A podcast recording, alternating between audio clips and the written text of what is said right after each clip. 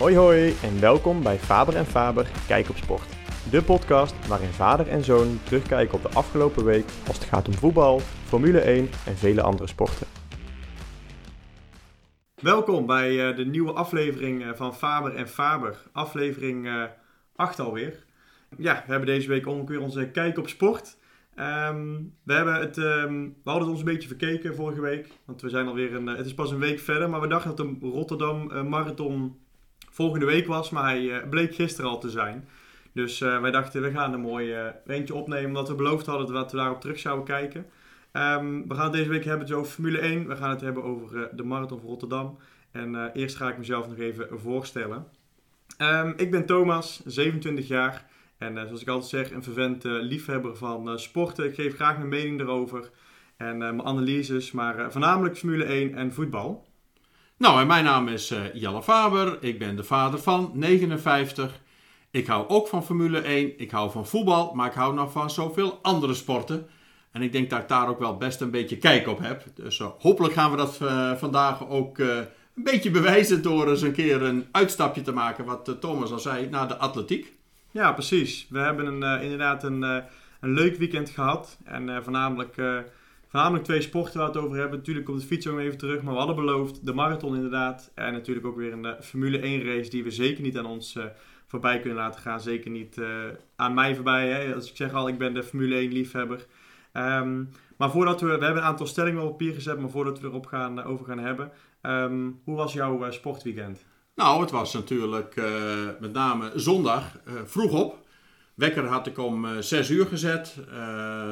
ja, zeg maar de Formule 1 Melbourne gestreamd. En ja, dat was 7 uur strak ervoor zitten. Natuurlijk eerst de voorbeschouwing een beetje beluisterd. 7 uur strak ervoor. Ehm, ja, dat was natuurlijk een beetje een teleurstelling, maar komen we zo op terug.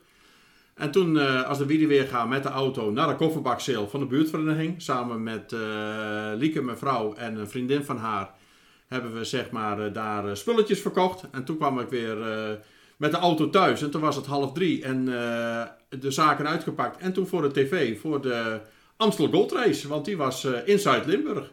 En aansluitend heb ik nog de marathon van Rotterdam in de samenvatting. Dus het was een mooie sportzondag zou ik bijna zeggen. Nou, helemaal goed. Ik heb de, moet zeggen, de marathon niet, niet live gezien. Het fietsen ook niet, maar de Formule 1 wel. Ik had een, ik had een drukke zondag verder, maar uh, om 6 uur of uh, half 7 stond wel de wekker. Dus ehm, ja, het was, een, het was een mooi begin. Er gebeurde van alles, maar ja, het was een wat jammerlijk einde, laat ik het zo zeggen. We hebben daarom ook meteen de eerste stelling. Max zijn kans op het WK is verkeken. Nou, ik las in de krant en ik had die, we hadden hem zelf ook al door. We appten hem, WK voorbij. Hij kwam zelf ook met zijn uh, opmerking in de krant. Ja, ik heb 45 races nodig om uh, bij spreken nog kampioen te kunnen worden. Ja. Nou, daarmee zegt hij denk ik uh, genoeg. Ik denk ook dat zijn kansen op de WK verkeken zijn. Als je een dit not finish twee keer hebt en je een van je grootste concurrenten wint twee keer. Ja, loopt die gast ja, 50 punten uit. En ja, dan is het ook nog eens een keer zo dat je ook nog een keer een betrouwbare auto onder je kont moet hebben. Nou, dat heeft hij ook niet. Dus uh, ja, wat we al uh, tegen elkaar zeiden, het zijn weer oude Renault-tijden die uh, terug zijn. Ja. ja, het is echt, het zijn die tijden, de jaren van Renault inderdaad, 17, 18. Dat ze allebei om de beurt eigenlijk de jaren uitvielen. Maar het is, het is heel gek, want het lijkt, het lijkt natuurlijk motorisch gericht, maar het, is, het was een benzineprobleem. Maar het zijn wel alle Honda-auto's die elke keer de problemen hebben.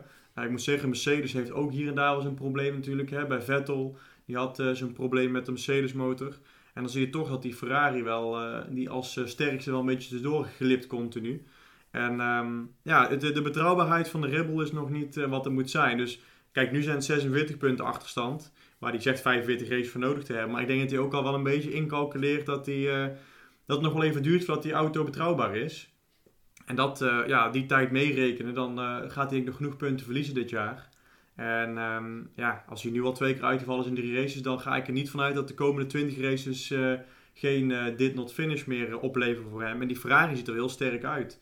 Maar trouwens, die Sainz had mazzel hè, met die ja. auto. Dat hij van de, van de baan ging en dan al tollend over de weg in de grindbak kwam. Nou, daar had hij echt mazzel. Ja, die knalt zo. Maar ja, die mensen die erin hadden kunnen knallen, die hadden natuurlijk ook zo hun auto kunnen verliezen. Dus ehm, ja, ik denk dat het... eh, maar ja, goed, die heeft natuurlijk ook eens zijn punten verloren. Ja. Die had natuurlijk ook eh, aan kunnen sluiten nog bij, bij Leclerc. Maar eh, ja, nu is natuurlijk niemand meer die eigenlijk bij die Leclerc aan kan sluiten. En ik, ik, zie het, ik zie het natuurlijk Perez niet doen, ik zie het Sainz niet meer doen, Max niet meer. Dus ik denk dat Leclerc, als hij doorrijdt met twee vingers in de neus halverwege het jaar het wereldkampioenschap op zijn konto bij kan schrijven. Nou, je tipte net al even aan. Mercedes, de volgende stelling. Is Ja. Mercedes back in town? Als ik eh, de uitslag gisteren zag, plek 3, 4, 5 en 6 Mercedes motoren. Ja, nou, natuurlijk heb je daar ook wel een stukje. ehm, hè, ik, ik vond het heel opvallend ten eerste dat eh, McLaren in één keer erbij zat. Die eh, eigenlijk daar de afgelopen twee races niks te zoeken hadden. En in één keer zaten ze erbij. Dus dat ja, was wel ja, frappant, moet ik zeggen. Die hebben er iets gevonden. Ehm moet daarnaast wel weer zeggen dat natuurlijk de Williams. En ja, Albon pakte zijn puntje inderdaad. Dat was geweldig. Maar dat was de strategie meer dan de motor was. Ehm, je ziet ook dat de Ferrari-teams vind ik sterker dan de Mercedes-teams. Ehm, dus zijn ze back in town met de motor? Geen idee. Zijn ze qua team back in de game? Ook geen idee. Want wat ik wel heel erg vond, is dat je zag dat ze niet zo goed die banden op temperatuur kregen. Waardoor ze ook die slijtage niet hadden. Dat had Red Bull juist heel erg. Eh, waardoor in het begin zag je dat Perez, eh, eh, Hamilton en Russell alles heel makkelijk kon pakken. Maar later in de race, dan hadden ze die bandenslijtage Red Bull en dan konden ze weer terugkomen Mercedes. Dus ik heb zoiets van, ja, ze stuiteren nog heel erg, ze, hebben, ze glibberen, ze glijden nog. Misschien zijn ze wat beter in race pace. Ik denk dat ze de, de kwalificatie gaat ook zeker een half jaar duren voordat ze erbij kunnen zitten. Misschien op race pace wat meer, maar als Red Bull niet uitvalt en Ferrari doet gewoon mee, dan worden ze gewoon 5 en 6. Ja. En daar had ik ze ook neergezet aan het begin als derde team. Maar ehm, En wat je heel erg ziet bij die eh, auto's, hè, is eh, ja, motorisch kan het dan allemaal, eh, hè, was er met name Red Bull, ziet er dan sterk uit. Hè. Er werd zelfs gezegd, ja, in zelfs in sector 3 met veel bochten waren ze sneller dan Ferrari. Maar je ziet met name ook het bandenmanagement, hè, Ja. wat steeds om de hoek komt kijken. Want dat was het grote probleem bij, eh, bij Max. Hè. Hij, zijn, zijn graining hè, van zijn banden, et cetera, dat hij als het ware zijn banden opvreet. Ja, dit- dat, dat hij daardoor ook niet zijn motorisch vermogen kwijt kan.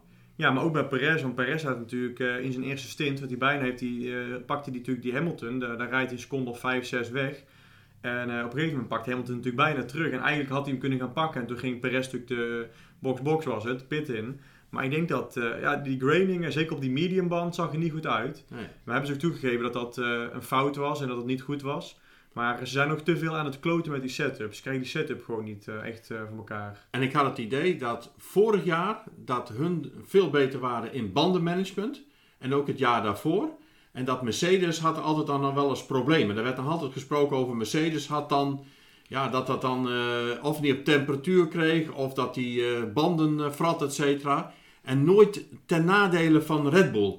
En ik heb dit jaar het idee dat het net andersom is hè, ten opzichte van Ferrari. Dat Red Bull zoveel problemen met eh, banden heeft. Heb jij dat ook, dat idee? Ja, ik had juist het idee dat vorig jaar ook, dat Mercedes eigenlijk, dat ze het vorig jaar al een beetje hadden. Vorig jaar konden ze, hadden ze ook best vaak, natuurlijk hebben ze wel een paar races gehad dat, eh, dat Mercedes in één keer hè, geen banden had, geen goede banden in het window kregen.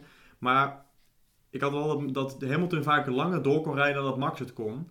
Ehm, maar inderdaad, zeker in de eerste, in het beginjaren van Max, eh, daar hadden we altijd, was Max de, de bandenmanagement. Ja. eh, die kon, en Perez helemaal, die worden er altijd voor geloofd met z'n twee. Dus ik heb zoiets van, dit jaar, vorig jaar minder, dit jaar helemaal vind ik het slecht. Maar je zag het al in de quali, ze hadden maar één opwarmronde nodig en hadden ze die banden in een window om één ronde te kunnen vlammen. En Ferrari had daar twee rondes voor nodig, Mercedes twee rondes, bijna iedereen had er twee rondes voor nodig. Dus ik denk dat ze gewoon te veel druk op die banden hebben gelegd. Ehm, die zijn gewoon te snel warm geworden bij hun. En ik denk dat ze daar inderdaad in die setup, ja, ze krijgen het gewoon niet voor elkaar nog. En eh, ze, Max zegt ook, hij, hij, hij, hij doet in de ene eh, eh, Q1 had hij dan bijvoorbeeld zijn 16, dan had hij in, in bocht zoveel geleden. En dan had hij in Q2 had hij dan weer net een andere setup, zei hij. En dan was hij in die bocht was weer goed. En dan had hij een andere bocht. Hij zei, die auto is gewoon niet, ik, ik, ik ken hem niet, ik snap hem nog niet. En dat is wel, ehm, ja, Zorgelijk. Ja, want Ferrari heeft ook een site, ik snap die auto nog niet helemaal en zo. Maar die, als hij die auto niet snapt en hij is al zo snel met eh, die Ferrari natuurlijk en Leclerc. Dan, ehm, ja, dan, dan is de vraag, wat gaan ze nog bereiken als zij die Ferrari ook onder controle krijgen? En daar wou ik dus mee zeggen, dat is dan de volgende stelling. Hebben hun het seizoen, het vorige seizoen, opgeofferd hè, om voor de komende jaren eh, wereldkampioen te worden?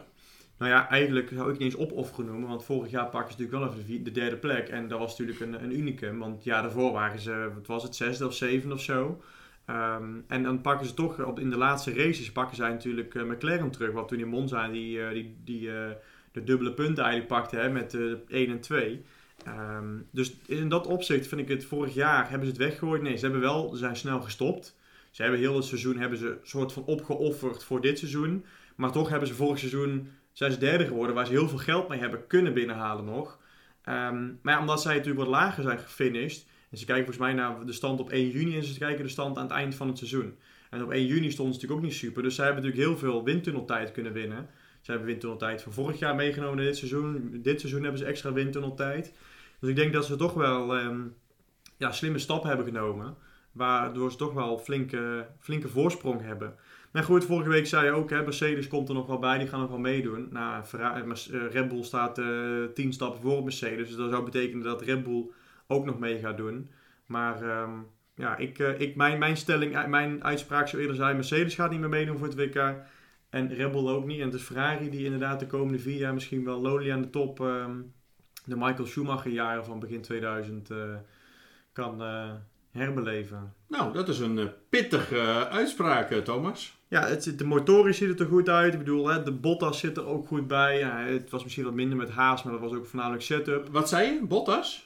Ah, nee, maar... Ik, hij- bent helemaal geen Bottas eh, dat je dat maar niks vindt. Nee, maar het- ze zitten er met z'n allen goed bij. De, alle, Ferrari-motoren, kijk, er zitten natuurlijk ook een paar pannenkoeken in af en toe met die, eh die Zoo of Zo, of hoe die... eh, Maar die Bottas is dus geen pannenkoek, hè? Die pakt weer de punten voor, voor Alfa Romeo. Bottas- Jongen, die glimmen daar, jongen. Die glimmen daar helemaal. Nee, kijk, de eerste race vond ik Bottas niet zo sterk. Vorige race vond ik hem heel sterk. En deze race was ook weer prima. Hij, hij sprokkelt zijn punten bij elkaar. Nou, die Magnussen gaat dit jaar ook veel punten binnenhalen nog.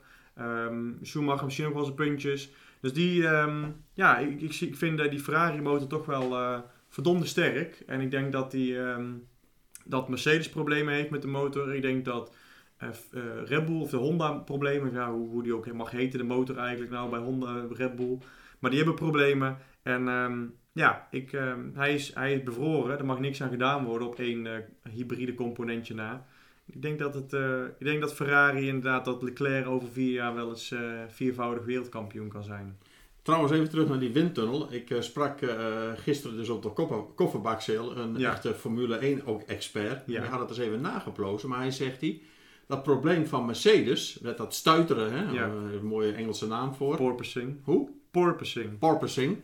Hij zegt hij van eh, in de windtunnel eh, kunnen die auto's niet een hogere snelheid bereiken dan 180 km per uur. Klopt. Dus het is maar de vraag of ze ook alles wel hebben dus kunnen uittesten. Hè? En dat dat dat doet soort dingen er dus of op een of andere manier dus ja, tussendoor eh, slippen, et cetera. En dat je dus pas echt op de, Ja. de baan, dus in, in dit geval was het dan in Barcelona, voor het eerst kan merken van ja, wat betekent nou zo'n hoge snelheid met dit nieuwe chassis? eh? Ja, dat klopt. Je mag in de windtunnel maar een bepaalde, kan een snelheid. Je hebt ook maar een, een schaalmodel. Hè, waar ze vroeger op eh, de- 20, 30 procent zaten, ze volgens mij tegenwoordig op 60 procent eh, van de originele grootte. Ehm, het is natuurlijk al allemaal precies op schaal nagemaakt, maar het is natuurlijk een schaalmodel. En de, de wagen ten opzichte van de weg is, is statisch. Dus je kan niet heel veel, de weg beweegt niet ten opzichte van de auto, waardoor je niet het op en neer en naar boven be- eh, beweging kan hebben. Je kan alleen maar zien waar de luchtstromen gaan naar achter. Dus ja, je kan zo, net zoals die flowvis wel eens hebt, dat je kan zien waar gaat die lucht naartoe. Maar je kan niet zien of dat inderdaad die porpoising eh verhelpt. Maar ik moet zeggen, dat is het enige pluspunt. Als je Ferrari natuurlijk aan het eind van het, eh, lange rechte stuk, laten we zeggen, boven op het circuit, eh, waar ze die bocht eruit hebben gehaald, daar zag je Ferrari toch ook redelijk stuiteren. En, en Red Bull zat daar wel redelijk strak op, het, op de weg. Dus ja, daar, daar zou nog misschien wat voordeel uitgehaald kunnen worden op bepaalde circuits. Dat ze toch wel redelijk eh, stuiterend zijn. Eh, noem het op, hè. Baku, eh, Monza, andere circuits waar je natuurlijk hoge topsnelheden haalt. Maar goed, ik, ondanks dat denk ik dat Ferrari wel dit jaar zeker steady, steady wereldkampioen gaat worden met Leclerc. Oké, nou, ik denk dat we daarmee wel, denk ik, genoeg over de Formule 1 eh, hebben besproken. Het tweede onderwerp, op speciaal verzoek eh, van een van onze trouwe luisteraars. Zeker. Iets over, eh, ja, dat is een onderwerp over de atletiek. En eh, wat we de vorige keer al zeiden, we misten helaas het onderwerp WK Indoor. En daarom pakken we nu de marathon van Rotterdam op. Werd gisteren weer in april verlopen. Vorig jaar werd hij in oktober verlopen vanwege het hele corona-verhaal. Hè, want toen was de optie er. Ehm, ja, met een hele mooie winnaar. Een Nederlandse winnaar, Abdi Nagay ja, hij werd een beetje zeg maar voortgedreven op, uh, ja, op het publiek. Het mooie weer, het publiek. Thuiswedstrijd natuurlijk. Het waren uh, perfecte weeromstandigheden natuurlijk ook. Heerlijk natuurlijk. Uh, samen met zijn vriend in de kopgroep. Nou, wat wil je nog meer? Het, het, het leek een beetje op de oude tijden van de marathon van, van Tokio, de Olympische Spelen.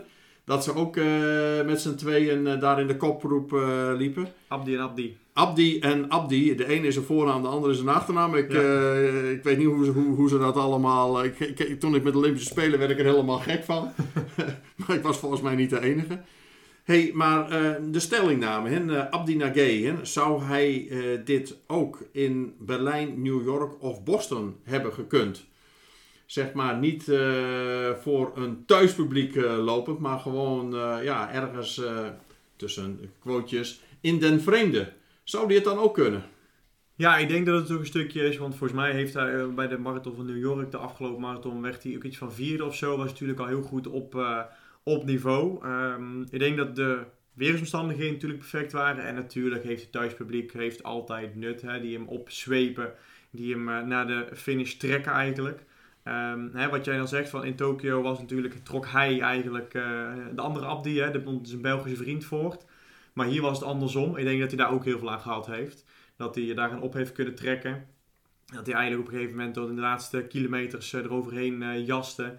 En samen met uh, Gebre Selassie, Liul Gebre Selassie, naar de finish kon sprinten. En uiteindelijk heeft hij hem gewonnen.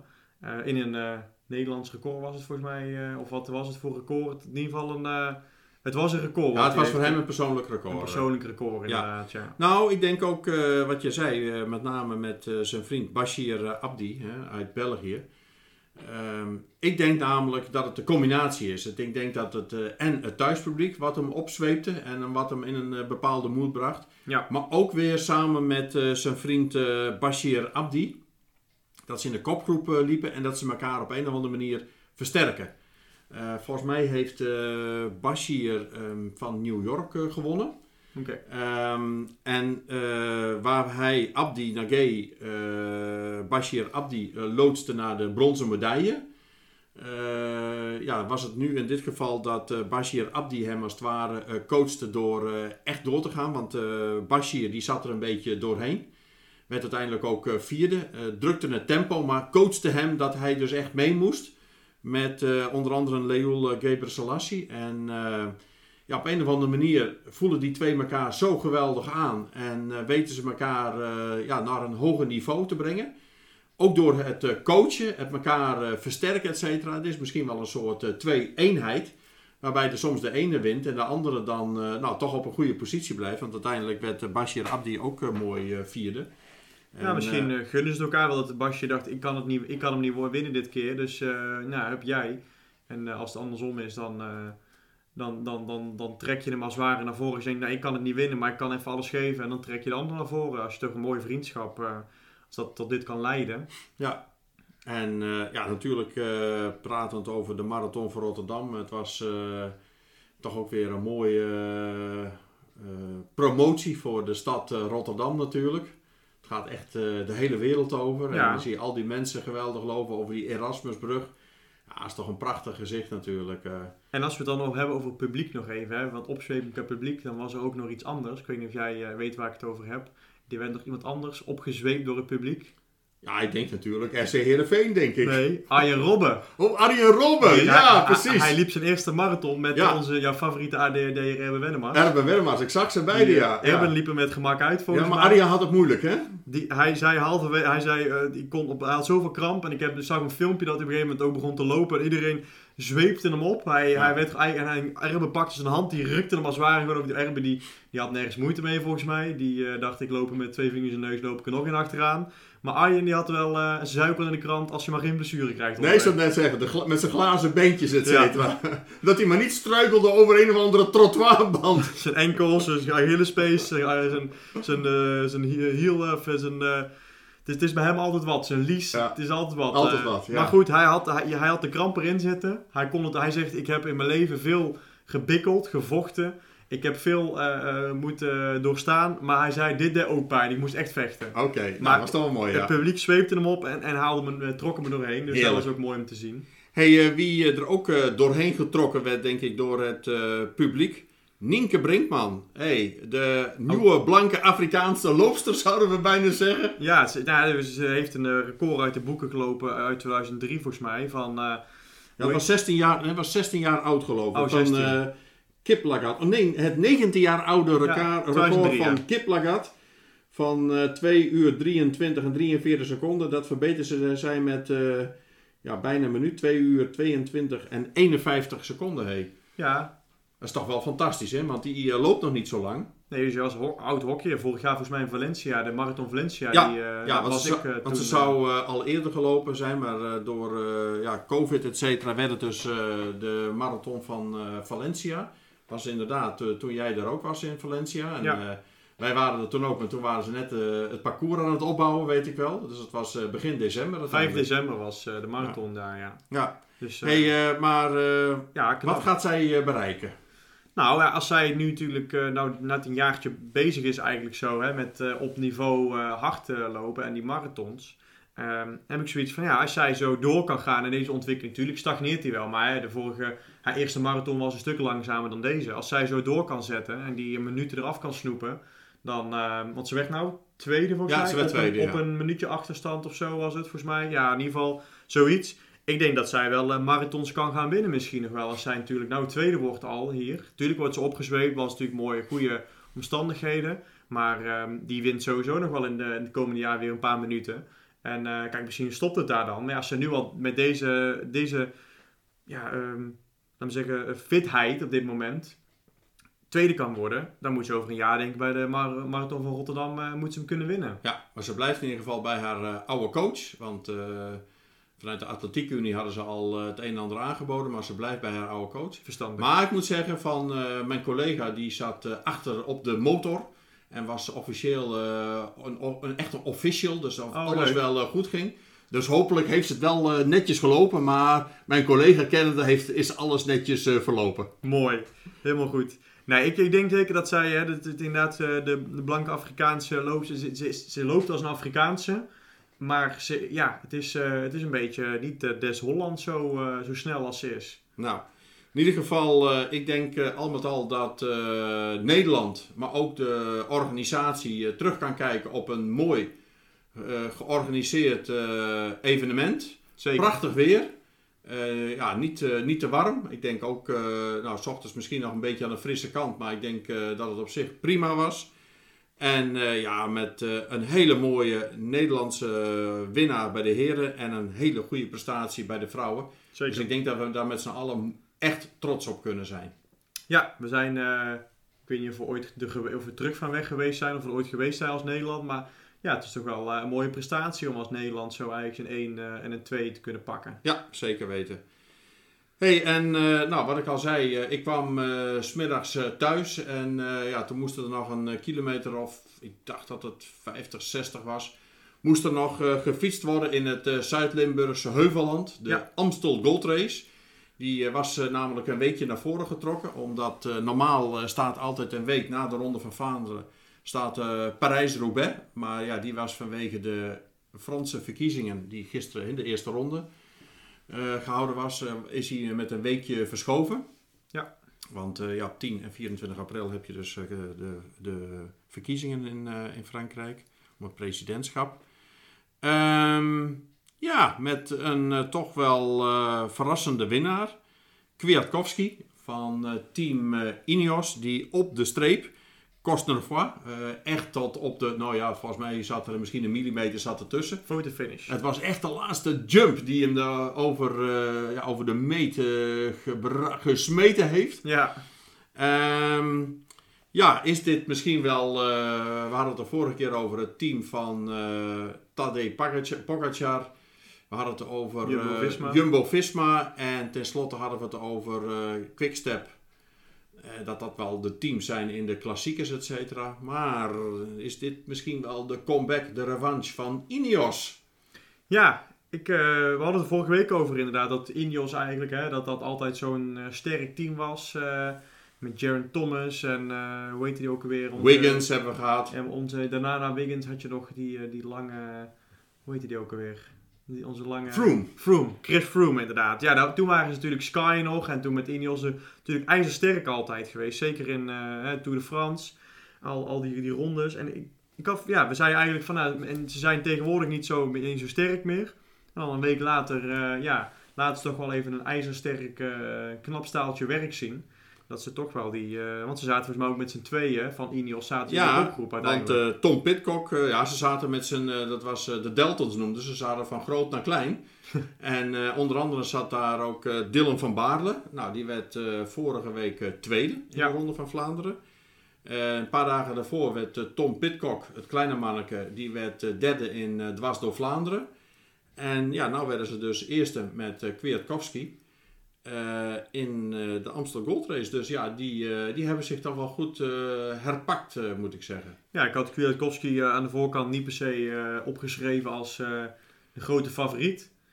Nee, hunzelf ook niet, want Kwiatkowski die was nog maar net terug, want die had COVID gehad. Ja. En ja, bij hun is het ook zo, net zoals bij Bora Hansgrohe, dat ze dus uh, ja, ook dan niet mogen fietsen. Ook al hebben ze bijna geen klachten. Het is echt uh, tien dagen van die fiets uh, blijven. Kwiatkowski dus, dus ook. En ja, Dylan van Baarle ook al. Het was toch wel een hele verrassing dat, dat Kwiatkowski deze race won. Dus, een beetje getraind hebben, denk ik. Ja, natuurlijk. Tuurlijk hebben die getraind. Ja, maar geen wedstrijden. maar ik moet zeggen, net zo verrassend ik het vond van Mathieu van der Poel, uh, derde Milaan uh, Sanremo, eerste dwars door Vlaanderen, eerste ronde van Vlaanderen. Waarbij hij dus uh, begin dit jaar nog in de kreukels lag met, ja. zijn, met zijn rug, et cetera. Ja, zie je ook dat die jongen verrassend terugkomt. En zo'n Kwiatkowski komt dan ook toch ijzersterk terug. Ja. Dus ja, je, we kunnen wel zeggen dat er zeker een vierde team zich erbij geplaatst uh, hebben. Dus uh, nou, mooi toch? Hoe meer, hoe meer uh, er om, om, om de overwinning strijden, hoe mooier het wordt. En denk je dat Van den Poel zich vorige week opgeblazen heeft? Dat hij op moest geven op de laatste stukken? Nou, het kan best zo zijn dus dat hij, wat we al zeiden, dat het ontzettend knap is dat hij al zo sterk teruggekomen is. Ja. Ja, dat het de vraag is of hij ieder, iedere, ronde, iedere ronde, iedere grote wedstrijd, of hij dan wel zo sterk kan presteren. Want bijvoorbeeld deze Amstel Gold Race. Uh, ja, Tom Dumoulin deed, reed daarmee van Jumbo. Maar uh, geen Wout van Aert. Ja, die, die gokt alles op uh, volgende week. Parijs-Roubaix. Ja. Want dat is natuurlijk, naast de ronde, is dat natuurlijk... ja, eigenlijk zijn dat er twee mooie parels. Um, dus ja. Kwiatkowski heeft laten zien dat kan als je na een coronabesmetting terugkomt en wint. Dus ja. uh, ik denk dat Wouter er ook voor gaat. Ja, dus uh, nou, ik, uh, ik denk dat dat ook wel... maar ik denk, ik, ik heb volgende week ook alle Philippe, denk ik. dat ja? Ook, ja, dat denk ik ook. Nou, gaan we daar ook uh, onze volgende podcast nog even op uh, terug, uh, terugkijken. Ja. Maar het, um, ja, het waren drie mooie evenementen, denk ik, dit weekend. Trouwens, daar was nog een ja. mooie, en toch even nog naar onze Toto. Ja. Manchester City-Liverpool, een schitterende wedstrijd. Mooie pinbal van links naar rechts ging. Ja, 2-2 uiteindelijk. Jij had een overwinning voor Liverpool voorspeld, ik eentje voor City. Dus daar hebben beide geen punten uh, gescoord. Dus de stand blijft nog uh, 8-4. En we dachten dat we de allebei Real Madrid goed hadden. Maar we hadden blijkbaar de wedstrijd van komende week voorspeld. Ja, dus, dus die komt de komende week. Die houden we ja. dus te goed. En ook de bekerfinale PSV-Ajax. die houden we ook nog Volgende week zondag. Volgende week zondag. Ja, dus ik ben benieuwd. Maar ja, de, de strijd in Engeland is natuurlijk nog helemaal open. Ja, de vraag is, is hij open? Want ja, ik zie City niet snel punten uh, verliezen. Die zijn ijzersterk, net als Liverpool. Die, eh, ik denk niet dat die nog punten laten liggen. Ik denk dat het, eh, het, is niet beslist, maar het- ik denk dat het lastig wordt voor, eh, voor Liverpool om nog, eh, om nog te kunnen winnen. Om nog eh, weer kampioen te kunnen worden. Ja, want die moeten volgens mij ook nog hebben een iets zwaarder programma. Moeten volgens mij ook nog tegen eh, de Spurs. Ja, ze zijn Dus, ook goed eh, bezig. Zijn weer op... eh, Ja. Maar oké, wat ik je zei, er zit één punt tussen. Dus een gelijkspel is ook al eh desastreus. eh. Gelijkspel is genoeg inderdaad. ja. Er kan van alles gebeuren. Maar ja, als City gelijk al spelen, kan Liverpool het ook. Dus Ja. eh, we gaan het zien. Het wordt, het wordt spannend. Maar ehm, het was een mooie wedstrijd in ieder geval. Het was een hele mooie wedstrijd en zo moeten we er meer hebben. Hey, en Lucky Luc de Jong pakt hem toch even tegen Levante. Die eh, werd als het ware, ja, als de joker eh, werd hij weer ingezet. Maakte weer in, volgens mij, blessuretijd met zijn hoofd. Ja, Maakte hij weer een goal. Nou, eh, heel Spanje, alle nieuwsbladen waren weer lierend en lovend over hem. Van wat een, wat een gast is dat. Zo'n voorbeeldige prof, et cetera. En dan iedere keer is hij, haalt hij Xavi er mee doorheen. Want ja, van Levante verliezen. En de tweede club van Valencia, die bijna Ja. onderaan staat. Ja, dat was natuurlijk desastreus geweest. En nu staan ze 12 punten achter, maar hebben nog één wedstrijd te goed. Dus ja, wat dat betreft. En eh, stel dat eh, Chelsea, of, eh, Real gewoon doorgaat tegen Chelsea, wat ik wel verwacht. Ja, dan blijven die toch nog meestrijden. En dan moeten die op meerdere fronten meestrijden. Dus ja, daar is het ook nog niet de gelopen koers. nee, maar ik denk wel, punt of 9 is natuurlijk wel voldoende. Dus het zou een blamage zijn als Real geen kampioen wordt. Zeker met het niveau van Barcelona dit jaar. Want Barcelona gaat ook nog punten verliezen. Ja, Die, maar eh, toch. Ze eh, hebben een mooie streak van zeven wedstrijden volgens mij gewonnen. Maar ik denk toch dat die, eh, hè, als je dit zo ziet, dan is het onvermijdelijk dat ze nog een keer punten laten liggen. Ja. Dus dat, ja. Nou, dat was dus ook nog een hele mooie dit, dit weekend. Dus, ja, en ik moet zeggen inderdaad, hè, je, je zei het al, wat, wat was er nog meer mooi qua publiek? Je zei het publiek van Heerenveen. Ik Ja. heb een klein stukje zitten kijken, maar ehm, daar was het ook eh, eh, eh, een pinbalmachine van hop naar hop naar her ging het inderdaad. Een bal voor de, voor de lijn weggehaald van het doel van Heerenveen. Ja. Maar het publiek ging er wel achter staan. En ja, mooi, mooi om te zien inderdaad. Dat, dat ze toch zo daardoor opgezweept werden. En uiteindelijk bedankt het publiek ook heel mooi. Hebben ze nog lang staan feestje met het publiek. Was Ja, wat dat was mooi, want Sydney van Hooijdonk en, en Sar, die hebben hun er echt doorheen getrokken. Want deze punten hadden ze echt hard nodig. Ja. 34 punten hebben ze nu, dus... eh, Hoeveel nou, staan ze voor op eh, de laatste? Ja, die hebben 23 punten, dus staan Elf. 11 punten. Dus onderin wordt het ook wel spannend. Maar dat, gaat, dat gaan ze niet meer weggeven. Dat gaan ze niet meer weggeven. Dit hadden ze echt nodig. En eh, ik heb ook het idee, de laatste vier wedstrijden hebben ze ook niet verloren. Ze hebben wel eh, gelijke spelletjes, maar het, het, het zit gewoon weer wat meer eh, strijd. En er zit wat meer eh, flow zit erin. En dat hebben ze zelf ook eh verduveld goed eh, door. Maar ja, wat ik je al zei, drie, vier wedstrijden geleden had ik even het eh, degradatiespook. Ik denk, hmm, dat gaat niet goed. Halen ze dit wel? Eh, Uit, eh, gelukkig gelijk gespeeld tegen Willem II. Nou, als je ziet waar Willem II nu staat.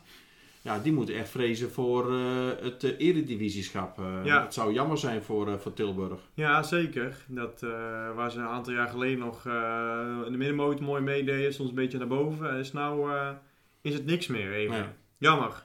Maar goed, dat was het weer voor deze week. Dat was hem voor, deze week. Ik denk eh, dat we een... eh, in ieder geval, eh, ik wil alvast de, de luisteraar weer bedanken. Zeker. En, nou, zoals je merkt, als je een opmerking maakt of een suggestie doet voor een onderwerp, dan proberen we daar zeker op in te spelen. Zoals de marathon van, van Rotterdam. Ja. Van onze Belgische luisteraar krijgen we vaak ook wel eens even een, een hintje richting het fietsen. Nou, daar hebben we dit keer ook weer eh, zeker eh, aandacht eh aangeschonken. Ja, en wat we al jouw favoriet. En wat ik ook mooi vind, F1 en voetbal. Ja, dat komt toch altijd wel weer even aan bod. Ja, volgende keer zal het over een, een week of twee tot, tot drie zijn. Dan hebben we weer mooie sport. Hebben we de laatste twee wedstrijden onze Toto gehad. Weten we wie de beker heeft gewonnen. Is er weer een Formule 1 race geweest op Imola. Dus daar is er weer eh, genoeg om over eh, na te praten. Misschien nog wel even over Parijs-Roubaix. Die eh, misschien wel gewonnen wordt door Wout van Aert. Of toch weer verrassend met van der Poel. We gaan het zien. En we gaan er weer over hebben. En als jullie inderdaad dus nog opmerkingen hebben of vragen of onderwerpen, dan kan het naar. Faber en Faber, kijk op sport, apenstaatje, gmail.com. Precies, daar mag het dan weer naartoe. Dan pikken wij het op en dan gaan wij het bespreken.